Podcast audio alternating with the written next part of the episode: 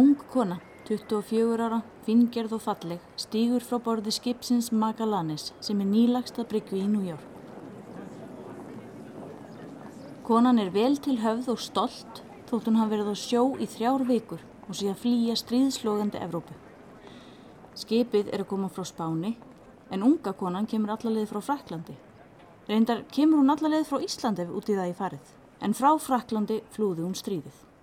Árið er 1940 og þessi kona er Sonja Vendel Benjaminsson sem við höfum kynnt ykkur fyrir, í fyrir þáttum.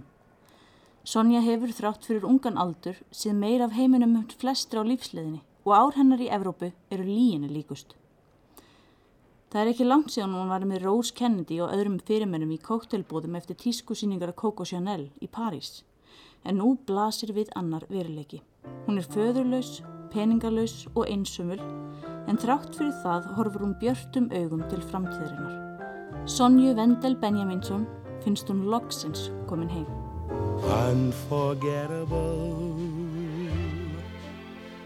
That's what you are Unforgettable Though near or far like a song of love that clings to me. How the thought of you does things to me.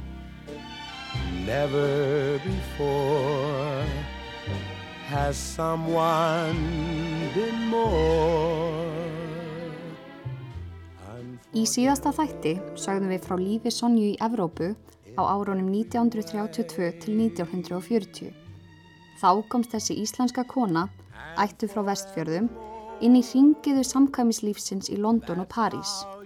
Hún átti síðar eftir að verða mikil auðkona í New York og skildi eftir sér styrtarsjóð fyrir íslensk og bandarísk börn en fáir virðast hafa notið góðs af. Hvar eru peningarnir?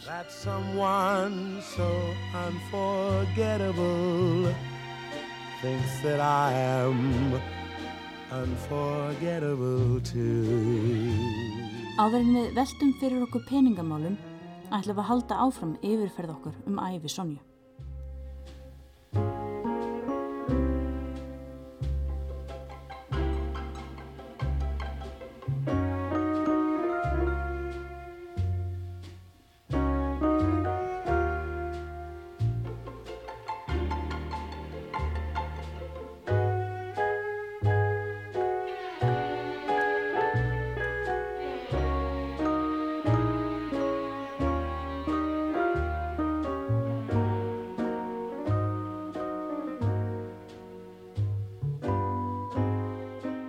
Örlaugin höguði því þannig að frá því að Sonja kom til Ameríku liði 28 ár þar til hún fór aftur til Íslands. Hún held áfram að skrifa um tísku fyrir morgunblaði í New York, rétt eins og hún hafði gert í París og hafði gaman af, en launin voru lág. Sonja dó aldrei ráðalus og bjóð sér til sín eigin atvinnutækifæri. Í þetta sinn með því að kaupa tískufutt og senda til Íslands, eins og hún segði Páli Heiðari Jónssoni frá árið 1976. En mér fannst nú allra mest gaman í Ameríku þegar ég kom til Ameríku. Og þú kemur henga 41? Já, 41. Getur þú sagt okkur frá því? Uh, já, það stónu þannig á að um, ég þurfti að, af einkennlegt, ég þurfti að fara til Ameríku frá Evrópu um, alltaf að fara til Íslands og eina leiðin var að fara í gegnum Ameríku. Hvar varstu í Európu þegar stríði blöst út? Ég var í, í Suðfraklandi þegar að þjóðvendan voru í uh, París en svo held nú, held nú allir að vera betri að færa heim. Og fórstu svo heim? Nei, svo, eh, ég ætlaði en svo langaði mig til að vera í Ameríku og uh, og um, það, var, það var nú hættulegt að ferðast líka um, á þessum tíma og svo um, hitti ég um, sænskan mann hérna sem er í einhvers konar business. Já, hann spurði hvort ég geti ekki keift inn fyrir einhverja stórbúð á Íslandi. Því að hann sagði að allir sem að fara með The Convoy um, til Englands, stoppa í Íslandi og kaupa född til að smikla til Englands eða hvað sem nú var. Svo ég sendi skeiti til Haldur Ándarssonar sem var góðu vinnur pappa minns og hann um, svaraði í kveldu og sagði já um, með ánægum, viltu kaupa inn fyrir mig og, og þú færð 5% held ég að verið af öllu sem kaupir.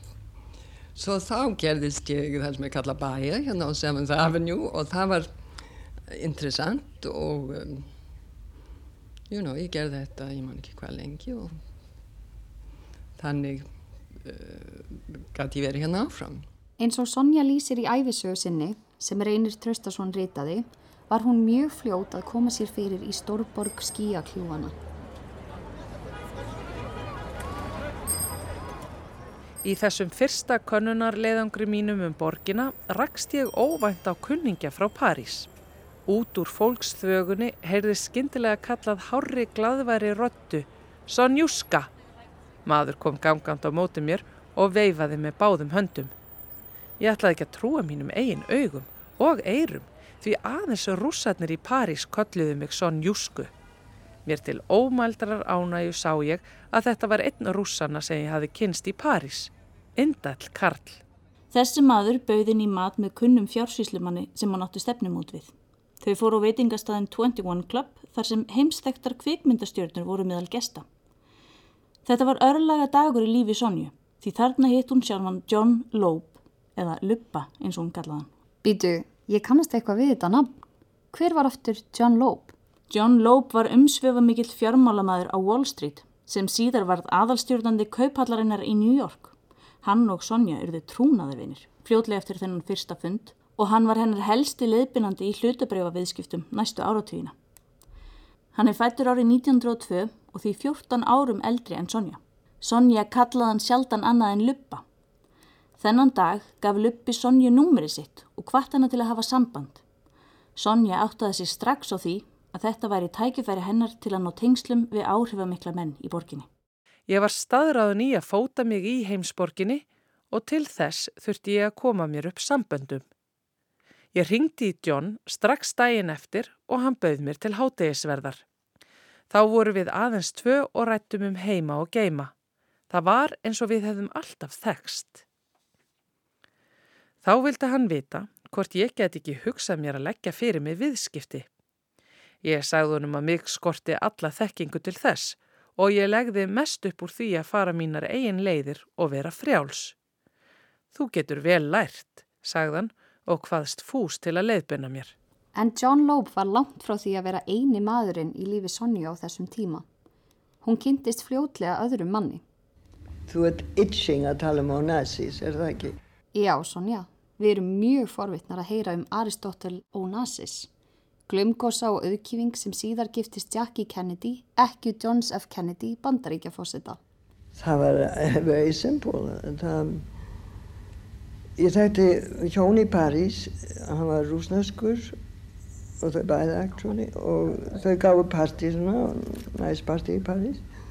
Og ég þekkti rúsneska koloníin í París, funnily enough en hann var í New York og hann syngdi einhvern tíman og spurði hvort ég vildi koma og hitta interessant fólk og ég, ég manna ekki, ég var, var alls ekki upplæðið eitthvað you know. svo en he persuaded me og ég fór. Og það var á Fifi Ferry sem var ný staður þá. Og þar var hún aðsís og vinkonans norska sem hann hafi verið með í ég man ekki hann var með henni í 12 ár eða hann var 12 árum eldri one or the other en anyway, mitt okkar var instant electricity. Bara instant. In fact ég þáði alltaf að horfa á hann og, og hún fann það náttúrulega í kvelli Hvað er þetta við hann sem svo, sem svo margar konur fjallu fyrir? Hann var sko mesmerizingly sjálfmennandi alveg sent hann var svo convincing jú, hann, hann hafði fabulous höfuð I mean he really had a fantastic head hann var náttúrulega lítill En það gerði ekki til, maður ma bara glemdi því. Þessar myndir sem voru síndra á hann þegar hann giftist Jackie mm -hmm. Kennedy. Ég held einhvern veginn að myndasmiðin hafa bara gert þetta þegar þeir hötuðu hugmynduna að hann var að gifta þessar manni eða eitthvað. Ég veit það ekki. Hann leiti út um svo lítill kall sem hann alls ekki, ég meina, hann hafði þetta sterka höfuð, þú veist. Virkilega fallega tennur, svona beina tennur fallega munn, hann hefði fallega munnsvip mm -hmm. uh, fallega varir you know, virkilega fallega munn mm -hmm. gott nef, stert nef mjög góða kjálka góð eiru fyllt af hári I mean, what more do you want? Var hann skemmtilegur? Mjög, það er heila fyndin mm -hmm. og svona reitt var sætt hann, hann hafði svona childlike humor, þú veist. Alltaf var svona innöðsend einhvern veginn sem hann var nú sko ekki. Í viðskiptum? No. hvorki við kannski normennir höfðu hann Já. því að hann syndlaði eitthvað, eitthvað skip út og ég man ekki annað hvernig hann var. Mm. hann sagði mér eins og frá því að hann var svona hlægand út af því you know. Hvað voru þið hann sig sökina. þið hefðu orðið skotið þannig skotið þegar þú orðið hrifin hvort ég var skotið í svo mörgum þegar ég var ung. Voru þið maður er alltaf með ungur að maður alltaf skotin. voru þið par í New York? við vorum, já þú getur kannski sagt það probably, yes. Og já við, við vorum well, hann var ekki giftur, ég var ekki gift. Samkvæmislífið var blómlegt hjá Sonju í New York og hún hóf langtíma sambönd við Karlmenn í fyrsta sinn Fyldar konustimpillin frá Evrópu virtist ekki hafa eldana vestur um haf. Hún var hægt að fylgja mönnum á veitingastæði til að liðka fyrir viðskiptum en það sjálf far hann að fá góðar tekjur af innkaupum sínum fyrir verslun Haraldar Árnarssonar. Sonja var þekkt á skemmtistöðum borgarinnar og nöyð þess að dansa tango.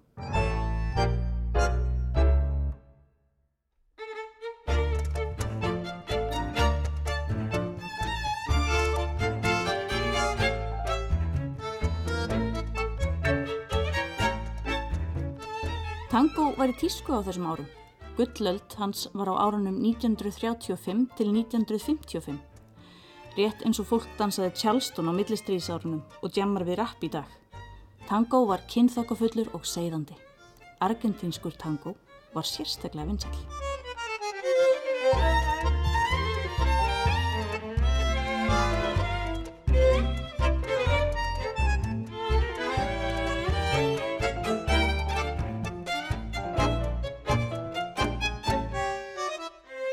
Eitt af því fáa sem Sonja fann að Ónassis var að hann var ekki lípur á dansgólfinu.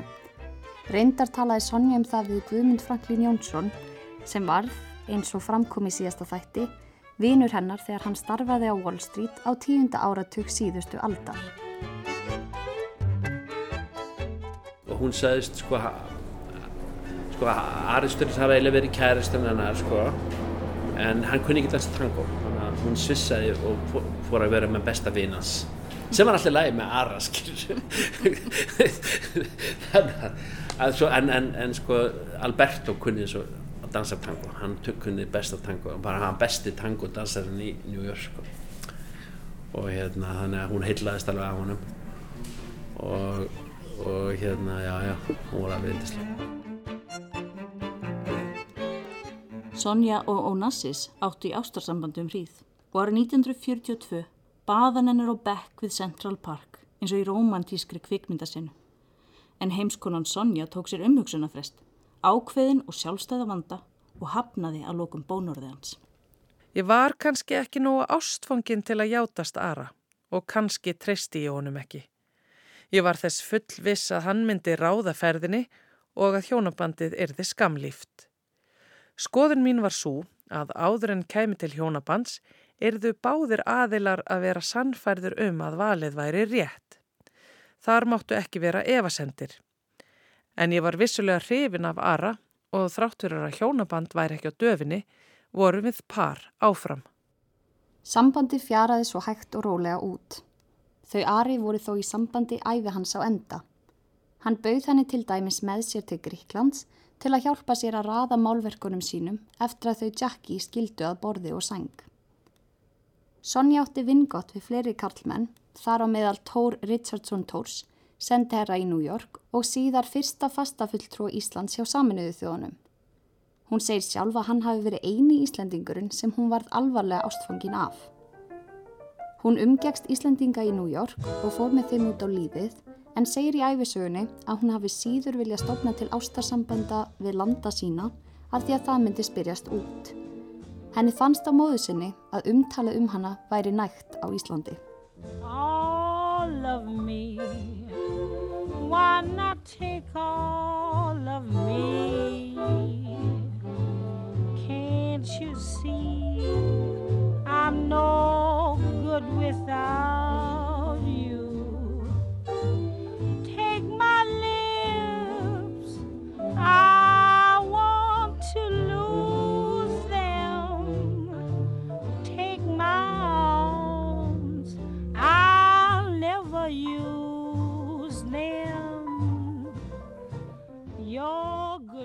En árin liðu og Sonja var enn einhlip. John Loeb, eða Luppi, var henni þó alltaf innan handar. Þau töluðust við í síma á hverjum degi, ofta á dagurindar, og hittust reglulega. Hún byrjaði að kaupa hlutabref eftir aðleggingum hans og þótt rólegt var í ástarlífinu fóru viðskiptin að skila góðri ávöxtu. En kannski var það engin tilviljun að hún var einhleip á þessum tíma. Einhleipum konum fylgdi umtal. Var Sonja kannski að býða eftir draumaprinsinu? Heyrum í reynir trösta sinni. Hvað bara tala um að hún hefði lifað þessu glamu lífi og verið svona kallakonna og, og allt það. Nú hún var auðvitað í tíum við, við mjög valdamikla menn eins og Loeb var stóra ástinni lífennar þó að, þó að hérna, Sorilja Alberto eruði maðurinn hennar. Það var hinn alltaf svona stóra ástin. Einmi það. John Loeb var giftur þegar hann kynntist Sonju. Þau Sonja áttu alltaf djúft og náið trúnaðarsamband en hann skildi ekki við konuna sína fyrir Sonju og að lokum giftist Sonja Alberto Sorilla. Á spænsku myndi það reynda vera borið fram Soria en Sonja hefur alltaf verið þekkt á Íslandi sem Sorilla svo við höldum okkur við það. Sonja var orðin þrítug þegar þau Alberto fór að stinga saman nefjum. Þá hafðu þau haldið sambandi á vínalegu nótunum í fimm ár, allt frá því að Ónasis kynnti þau á skemmtistað árið 1941. Síðan gerðist eitthvað hjá okkur báðum og skyndilega var eins og við uppkvötuðum hvort annað. Alberto bauð mér upp í dans og þar sem ég sveifum í örmum hans kviknaði nestin sem varð að báli á skömmum tíma.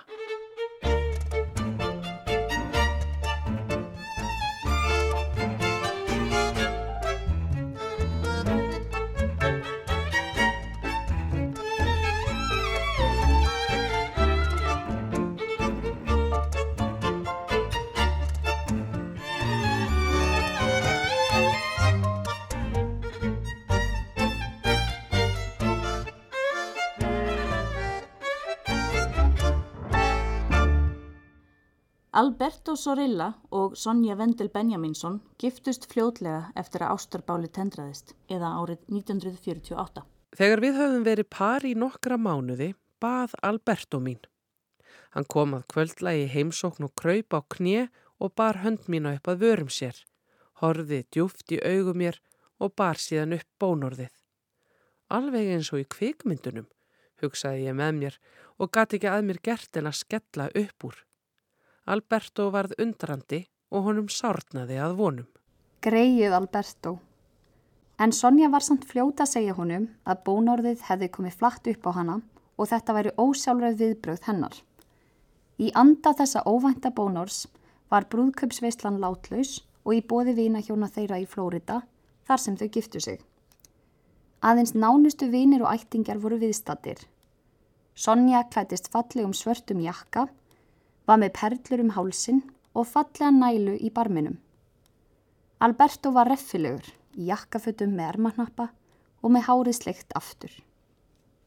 Alberto var argentínumadur og metafi í sundi á olimpíuleikonum árið 1932. Hann var tíu árum eldri en Sonja, komin af efnuðu fólki í Argentínu og hafði hingað til lifað á auði fóreldra sinna. Alberto hafði ekkert peningavitt, bara alls ekki. Og ég, ég sagði eins og það er þú lifir eins og you know, drunken sailor. Og eyðir og eyðir en ég sé ekki að þú vinnir voða mikið. Nei, það, það slampast einhvern veginn. Svo ég sagði, gefðu mér, hvað áttu mikið eftir? Hann sagði, já, 50.000 sem var náttúrulega aldrei þann dag. Svo ég sagði, give it to me. Og það var þá, ég byrjaði sko, ég var byrjuð already. Það var ég sem að gera, hann gerði ekki neitt Sonja og Alberto fluttu í leigu íbúð við Park Avenue en festu síðar kaup á íbúð í glæsilegu húsi við sömu götu. Sonja og Alberto áttu ágætis líf saman. Sonja hjælt sínu sjálfstæði með honum og fjárfesti skinsamlega. Hjónaband þeirra var þó ekki hefðbundið eins og hún lýsir því í æfisögunni. Alberto var indislegur félagi og okkur leið vel saman þó að bæði ættu við okkar æfintýri utan hjónabands. Við deildum ekki sama sefnherbergi nema fyrstu árin. Þá ákváðum við að vera kvort í sínu herbergi. Þar réð minn viljað miklu leiti. Ástarblossin frá fyrstu árunum var kulnaður og ég vildi ekki að Alberto, fremur en aðrir, sæi mig ótil hafðað morgni og ég kaus að geta gert öndunaræfingarnar mínar án þess að aðrir væru nærri. Ég átti í ástarsamböndum við aðra karlmenn og Alberto vissi að því án þess að gera veður út af því en það átti hann sjálfur sín ævintýri utan hjónabands. Sonja segir að þessi tilhugun á hjónabandi hafi verið í samræmi við tíðarandan innan þess samfélagshóps sem hún umgegst. Það verðist þó ekki alltaf hafi verið loppmódla á heimilinu.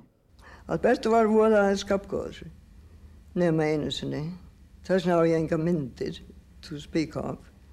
Hvernig stendur á því? Well, hann, sko það var rétt á hann hann fekk, uh, hann var ópreraður í stórri operasjón, þú veist, sem var einlega hættulega hann að kannski geta mist sjónun alveg.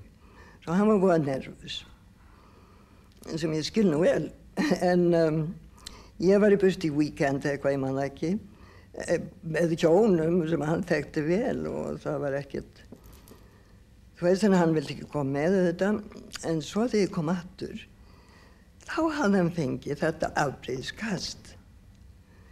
Eðilagt alla myndir sem hann fann. Bara rifaður sundur. Svo þess vegna á ég enga myndir.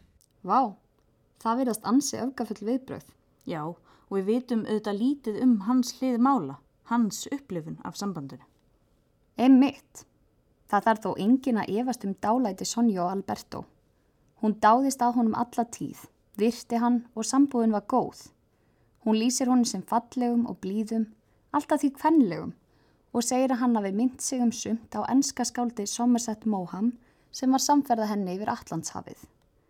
Alberto var að sög Sonju eins og grískur guð, ákaflega velvaksinn og vöðvastæltur. Absolutt, hann hann var einn af þeim fáum mönnum sem ég hitt sem var alveg secure in himself, þú veist. Hann hafði alveg settled fyrir það sem hann vissi hann gæti gert og hann var alveg saman það sem hann ekki gæti gert, you see. Það er svo margir sem er alltaf að dreyma eitthvað sem er langt fyrir utan það sem þeir eru capable of doing. A rose must remain with the sun and the rain or its lovely promise won't come true. To each his own, to each his own, and my own is you. What good is a song if the words don't belong, and a dream must be a dream for two? Þetta hjónaband var líka óhauðbundið að því leiti að því eignuðist ekki börn. Einmitt, Sonja átti engin börn sem var afar sjálfgjöft á þessum tíma. Alberto var ekki stjórnsamur, svo að ég gerði ráð fyrir að mínar óskir myndu vega þingra í hjónabandinu. Hann hafði ekki uppi neinar kröfur um barnegnir og ég var fegin því. Ég hafði séð hvernig tíðar barnegnir leku konur. Þar letu á sjá og urðu sem gamlar manneskjur langt um aldur fram. Ég nöyð þess að vera með þessum vinkonu mínum, en stundum fannst mér ég vera afskipt þegar þær rættu sitt sameiglega áhugamál, barnauppeldi. Ég hafði þá lítið til málana að leggja. Það mætti svo sem alveg velta því fyrir sér hvort reynsla hennar og æsku hafi haft áhrif á hana. Er það meina lítlusistur hennar? Já, einmitt. Ragnar dóaðins fjögur ára gömul úr lúnabolgu og Sonja kendi sjálfur sér alltaf um látinar. Þannig gera börn og erfitt að vinda ofan af því. Jafnvel þótt hún hafi ekki haft neitt með dauðanar að gera. Dauði Rögnu var hennar fyrsta sorgarminning. Já, kannski vildi hún ekki eignast börn til að komast hjá því að ganga í gegnum svona sorg aftur. En það hefur eflaust ekki heldur passað hennar lífstíl í York að eignast börn. En stundum glitti þó í einhvers konar eftirsjá. Við Alberto höfðum ákveðið í upphafi sambandsokkar að sleppa barnignum. En ég var ekki sannfærð um að svo ákverðun hefði verið rétt og stundum öfundaði ég þá vini mína sem áttu börn af gæfu þeirra. En Sonja hafði þó alltaf áhuga á börnum eins og Guðmundur Franklin rifjar upp. Og við fórum stundum undan borðið með henni og hérna, hún var ofsalega barnagæla, samt sem að vildi hún ekki eignast börn, en ég held hún hafi, sko, hún bara lifiði þannig lífið en hún var voðalega góð við börn, hún elskaði sérstaklega lítil börn. Og hérna, og þeirra litli svona minn sem hann, ekki lítill, hann er ekki lengur lítill, en þá var hann bara að taka tennur. Og þá vorum á voðalega fínu restaurant þá sem hitt Maxíms sem var frægur sko. ég veit ekki hvert þessi opin en þetta er dag en við vorum á Maxíms og þá lág átni svona á, á bakinu sko bara lítill að taka þennan þá var hann með sko svona selleri stykk þú veist svona, þú veist svona selleri bita og var með hann upp í batinu þess að róan og hann alveg naga sen hefur hann verið mjög solginni selleri þannig að hún kom hann um á selleri Reynir Traustason hefur svipað sögða að segja af Sonju Hún sótti oft í að spjalla við börnin hans þegar hann rætti við hana í gegnum síma fyrir æfisöguna. Sonja málaði líka fjölda mynda af börnum. Eftir hún giftist Alberto og efnaðist vel og verð bregðamarkaði, átti myndlist hugunar allan og hún syndi listmálun af fullum krafti. Var meðal annars með vinnustofu á vestanverðin í Manhattan. Hún segir æfisögu sinni að hún hefði ekki ætlað að feta í fótspór föður síns í viðskiptum. Hennar ástríða lág í listmálun og tísku. Ekki gæti ég byrjað að mála og lifað við knappan kost eins og listamenn þurfa gerðan að gera. Ég var of góðu vön en málaði þó alltaf í hjáverkum en það var stópult og ekki af þeirri álfuru sem þurfti til að ná fullkonum árangri. Ég naut þess að mála og sísla með verðbref en afkoma mín reðist á verðbrefamarkaðunum og ég varð að taka tillit til þess. Hugmynd mín var svo að bæta fjárhag okkar Albertos svo ég geti ótröfluð stundað myndlist.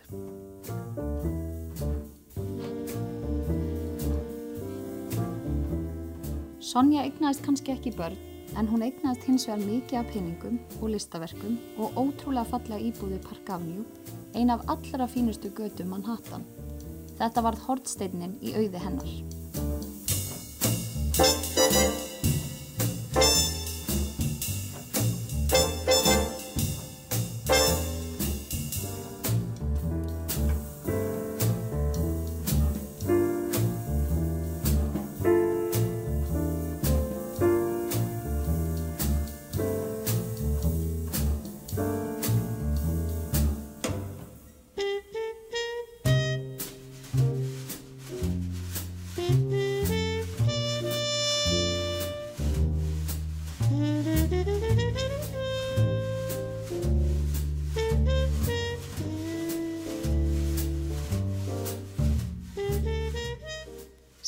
Már Jónsson áallaði í bóksinni Ríkir Íslandingar sem kom út árið 2001 að umfang auðafana væru 9,5 miljardur króna en það er um 24 miljardar að núverði samkvæmt verðlagsreiknivél hagstofunar.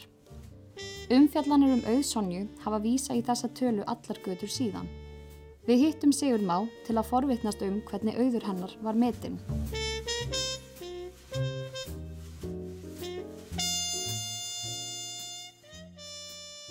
Ég stuttist mjög við upplýsingar sem ég fekk frá Reyni Traustasinni sem var þá að skrá æfisöðunar og svona kannski mönnum í viðskiptalífinu sem að treystu, sem að það voru svo margir sem þekktu til lífslöpsennar og, og hérna og það hefði svona af og til byrst fréttir eða frásagnir af hennu og þannig að þetta var svona mat sem var kannski eins og var í, í í bókinni svona beitt ákveðni aðferðafræði en mjög marga þurfti að leggja bara svona ákveðin mat á hlutina sem að var kannski borið undir eitthvað og svo stöðust við.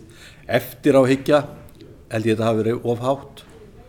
Ég held að þetta hafi verið eitthvað ofmatt sem hefur, hefur verið komið inn í þetta þarna en eignir hennar voru þetta kannski eh, svona háðar talsölu breytingum. Það, það var hérna, það var sko, hún átti markaðseignir. Eh, þær geta auðvitað sveiblast mjög til eh, ég finna, var ekki 87 sem var hrun í kaupöllinni í, í bandaríkjunum það, það, það tóku allir skellin en, en menn voru sammálum sem ég talaði um þeim tíma, hún hefði reynst eh, nokkuð farsæl fjárfestir og verið útsjónasum og kynnt sér markaðin bara mjög vel og, og hérna hún bjó vel, það var vitað og staðfest, hún átti verðmætt verk, málverk og ímsa mjög eigulega hluti, þetta var vitað. Og þannig að hún hafði öruglega, var öruglega vel efnuð. En, en nákvæmlega þessi tala, ég, ég myndi nú ekki svona alveg vilja hérna sverja fyrir hann í dag, ég, ég, ég myndi halda að það veri eitthvað smá afmatt í henni á sínum tíma. En það er ljóst að auðæfin voru til staðar. Þau voru umtalsverð og hérna hún var náttúrulega svolítið endurspeglað í hvaða samfélag hún starfaði. Bandaríkinn eru uh, þeim sem að vegna vel þar geta auðvitað efnast gríðarlega og hún hafði uh, þekkingu insýn í og, og reynslu af markaðsviðskiptum. Átti mjög marga kunningja og vini í þessum efri lögum samfélagsins var, var hérna, þekkt inn í skemmtarlífi eins og, eins og kom var. Þannig þekkt hafði kynst Onassis og, og mjög, mjög mörgum öðrum þekktum, þekktu fólki úr hennu alþjóðlega viðskipt og skemmtana lífi ef maður orðaði þannig og hérna og síðan margir Íslendingar í svona hvað maður segja verstaðir Íslendingar sem ferðuðist þeir, þeir þekktu til hennar hann út og höfðu kynstinni vissi ég þannig að, að það voru svona ákveðnar hugmyndur um að, að þarna væri velstæði kona. Þetta ég held að sé engin ástæð til að hafa verið sko síndamennska í kringum það eða neitt slíkt. En auðvitað er þetta allt matskent og, og þannig að staðfestingarnar eru að, það verður svona aðeins að liggja millir hluta. Jafnvel þótt að auðæfin hafi verið ofmetinn þá var Sonja ríkust íslenskra kvenna. Tvímala laust og þetta er náttúrulega kannski eins og hlutinni voru þá þá var auðvitað uh, hvernig, hvernig konus uh, kannski komust til e, efna uh, að hluta til var það þetta bara í gegnum erðir og, og ættir það var hlutinni voru bara með þeim hætti kannski bókum auðvega Íslandinga eftir nokkur ár þá, þá voru konur sem hafa sjálfarskapað auðin með sínu fyrirtægja þetta er þetta margslungið þetta voru konurnar alltaf hluti af, af þær stóða bak við mennina ef, ef svo má segja með, það voru breytti tímar. Öðruvísi tímar skulum við segja og hérna þannig að það var auðvitað hún hugsalega hafði nöyt ekkurs auðs í gegnum eigimann sinn hinn argentínska Sorello sem var greinilega mjög eftirtæktaverður og áhugaverður maður mikil tangodansari ef ég mann rétt, ég man ekki hvort ég setja það í bókina en en eins og aðrir argentínumenn þá hlýtur hann að hafa verið það. En uh, hún það, það voru allir sammála hún hefði verið uh, stýrt sínum örlugum uh, hvernig sem hún gerði það þá var hún þá bara eins og kannski ég held að við öll þráum að vera okkar eigin herrar og ráða okkar hvað við gerum, hvernig lífi við höfum og Ég uppliða aldrei í gegnum frásagnir annar og hvernig ég nálgæðist þetta en öðruvísi en að hún hefði ráðið sínum eigin örlugum, verið sín eigin herra ef, ef maður orðaði þannig. John Ferguson, annar sjóðstjóri Sorilla-sjóðsins, svaraði spurningum um stærðsjóðsins hlæjandi í kompóstætti um Sonju og sjóð hennar árið 2007. Hann sagði sjóðin alls ekki verið einn stóran og áætlanir Sigurðar Más um eigur hennar. Heyrum í Ferguson og Kristni Rapsinni. Oh, not even close. Not even. I mean, it, th- this is this is a drop in the bucket. This is a very small foundation. It's nothing near that. Are we talking about a few million dollars? Yeah, that's all. You're not talking about a lot of money. It'd be a very different scenario if we're talking that kind of money, but we're not. We're not even near it. Í samtali við mannlifi í vor saði John Ferguson að í upphafi hafi verið sem nemur hálfum miljardi króna í sjónum. Sonja sótti myndlistasýningar í New York og hafði gaman af að hitta listamenn í koktelbóðum í tengslu með sýningaropnanir. Hún hjælt bóð til heiðurs myndlistarkoninu Louise Mattíasdóttur og kynntist Jackson Pollock í veislu hjá Peggy Guggenheim. Luppi kveikti með mér áhuga á því að kaupa málverk sem fjárfestingu. Strax árið 1942 fór ég að kaupa málverk. Eftir að við Alberto gengum í hjónaband, deildum við áhuganum á myndlist. Alberto sá að mestum að kaupa og selja málverk á meðan hann helt sjóninni. Mitt hlutverk var að velja málverkin. Ég var nokkuð næm á að sjá út hverjir áttu eftir að öðlast hilli og var stundum köllu til ráðgjafar í sambandi við síningar og lánaði verk þegar það átti við. Í útvarpsviðtali árið 1976 síndi Sonja Páli Heiðari Jónssoni listaverkasafni sitt. Krúnudjásnið var Jacqueline, verk eftir Picasso. Hérna er Picasso. Ég þarf ekki að segja neitt um hann nema þetta er mynd af konans, Jacqueline. Hún hefur líklega sagt við hann þú málaðir straight forward portrétt af fyrstu konuðinu og öllum konuðinum, viltu ekki öllum mála eitt af mér? Því að mér finnst þetta var skemmtilegt máli, finnst það ekki? Já, skemmtilegt að þú skulle minnast á listaverkasafnið. Hún átti nefnilega ótrúlega stórt og mikið listaverkasafn í íbúð þeirra Albertos við Park Avenue, íbúð sem fáir fengu að koma inn í. Guðmundur Franklin var eitt þeirra hefnu. Þú kemur inn að þá er svona svakalega stór sem sagt, svona gangur ég myndi segja bara alveg jafn breyður hérna þú veist og þetta er kannski svona hvað 6-7 metrar Já. Gangurinn var um 10-15 metra langur og úr honum var hægt að ganga inn í herbergi sem snýru út af Park Avenue. hans, hérna, og þetta er allt viðarklætt sko flottir hérna, dökku viður á gólfanum og, og litirni voru allir svona dökkir svona, uh, sem sagt, alls konar litir sko grænt og raukt og fjólublátt og, og ekkert netta ósmekklegt sko. Uh, ekkert hvít og herbyggja hans uh, Alberto að það var svona stór stofa og þar var svona legublökkur og allt, það var allt eins og það var þegar hann dó, það var ekkert búið að breyta neitt inn í herbyggin hans. Og það var raukt eldur raukt, það var svolítið merkilegt. Og það snýr út af Park Avenue. Og síðan kom eh, hérna síðan kom um, annar rosastórt herbygg þar sem að hún var aðalega og það var myndi segja, og það er stofan skilur og það var út af Park Avenue líka og, eh, og milli Alberto og, og þessari stofu var eitthvað herbyggi sem að maður fór aldrei inn í, ég veit ekki hvað var þar inni sko. Svo var það stofan hennar Sonju, þar sem hún eitti mestu af tíma sínum. Hérna. og þar var hann með sjónvarpi sitt og eflust verið sjónvarp líka inn í Sefnumbergi en það var sjónvarp þar og, og hérna bókaheilur út um allt herbyggið allan hringin og svo málverkin stökkuð upp sko fyrir framann og svo já, svo var önnur stofa og þar var sko hérna og hún var svona í dökkgrænu eða eitthvað eins og þess, skilur og mikið ljólsakróna og mikið, mikið alls konar sko, skúlturum, fíkurum það var svona sparistofa sem hún eiginlega var ekkert í sjálf skilur og í henni var þar, voru, þar var Picasso á vegginum og þessu, þessu vegginum og þarna var sko aðal fínir í það en hún var ekki þarna nefn mikið og svo var Svefnubergi henni sem var alltaf bara þú veist og eldusið sko Engin fekk að fara inn í Svefnherbergi Sonju en þarna heyru við líka af listaverkunum Já, Guðmundur Franklin nefnir að þeim hafi verið staplað upp í veggina. Það hljómar eins og hún hafi ekki verið með allt upp á vegg hjá sér. Nei, það passar. Hún kefti það mikið af listaverkum í gegnum árin af allskynns listamönnum sem síðar eruðu margir mjög frægir að hún hafði öruglega ekki pláss fyrir þetta allt á veggjónum. Í kompástættinu var viðtal við Aðalstein Ingólfsson listfræðing sem hafi heimsótt Sonju í New York og hafiði hugmyndum hver mikill auður fólst í listaverkunum. Hún gemdi mikið af þessu safni nýri í Flórida og þar kom ég aldrei.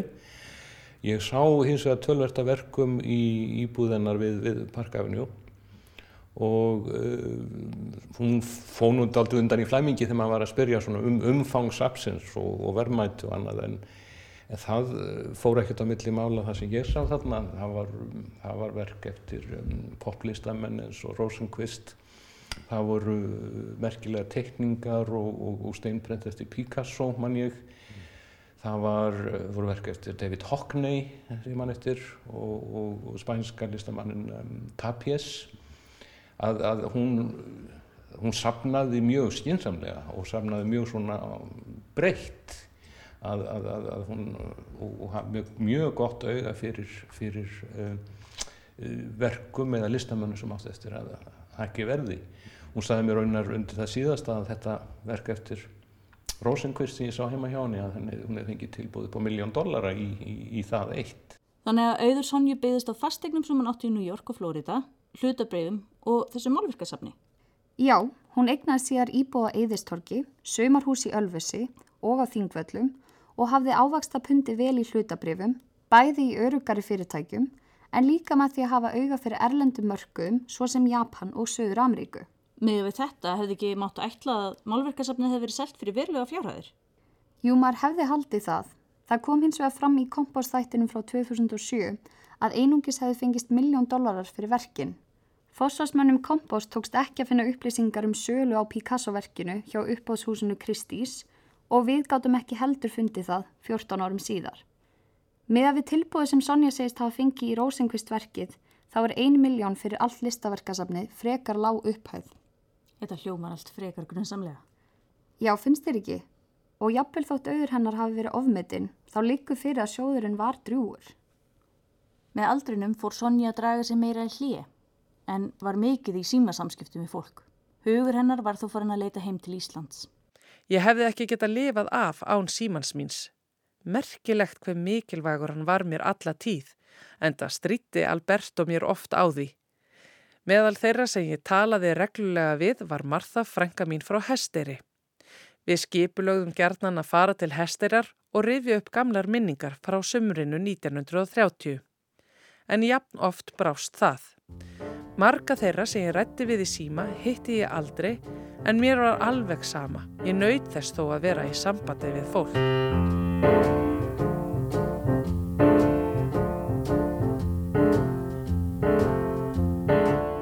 Í næsta þætti segjum við frá heimkomi Sonja til Íslands eftir fjóra áratug í bandaríkinum og síðustu æfi árun á Íslandi. Við fjöllum um samband hennar og guðmyndar frá núpum, frændanar, sjóðstjóra Sonja sjóðsins og reynum að varpa ljósi á stöðu sjóðsins í dag. Við ræðum einni við Reyni Traustason, æfisögurítara Sonju, sem talaði reglulega við hana í síma yfir 15 mánuða tímabil um litríka æfi hennar en fekk aldrei að hitta hana í einn personu. Af hverju hitt hann aldrei? Það kemur allt í ljósi næsta þetti. Takk fyrir að hlusta og verið þið sæl.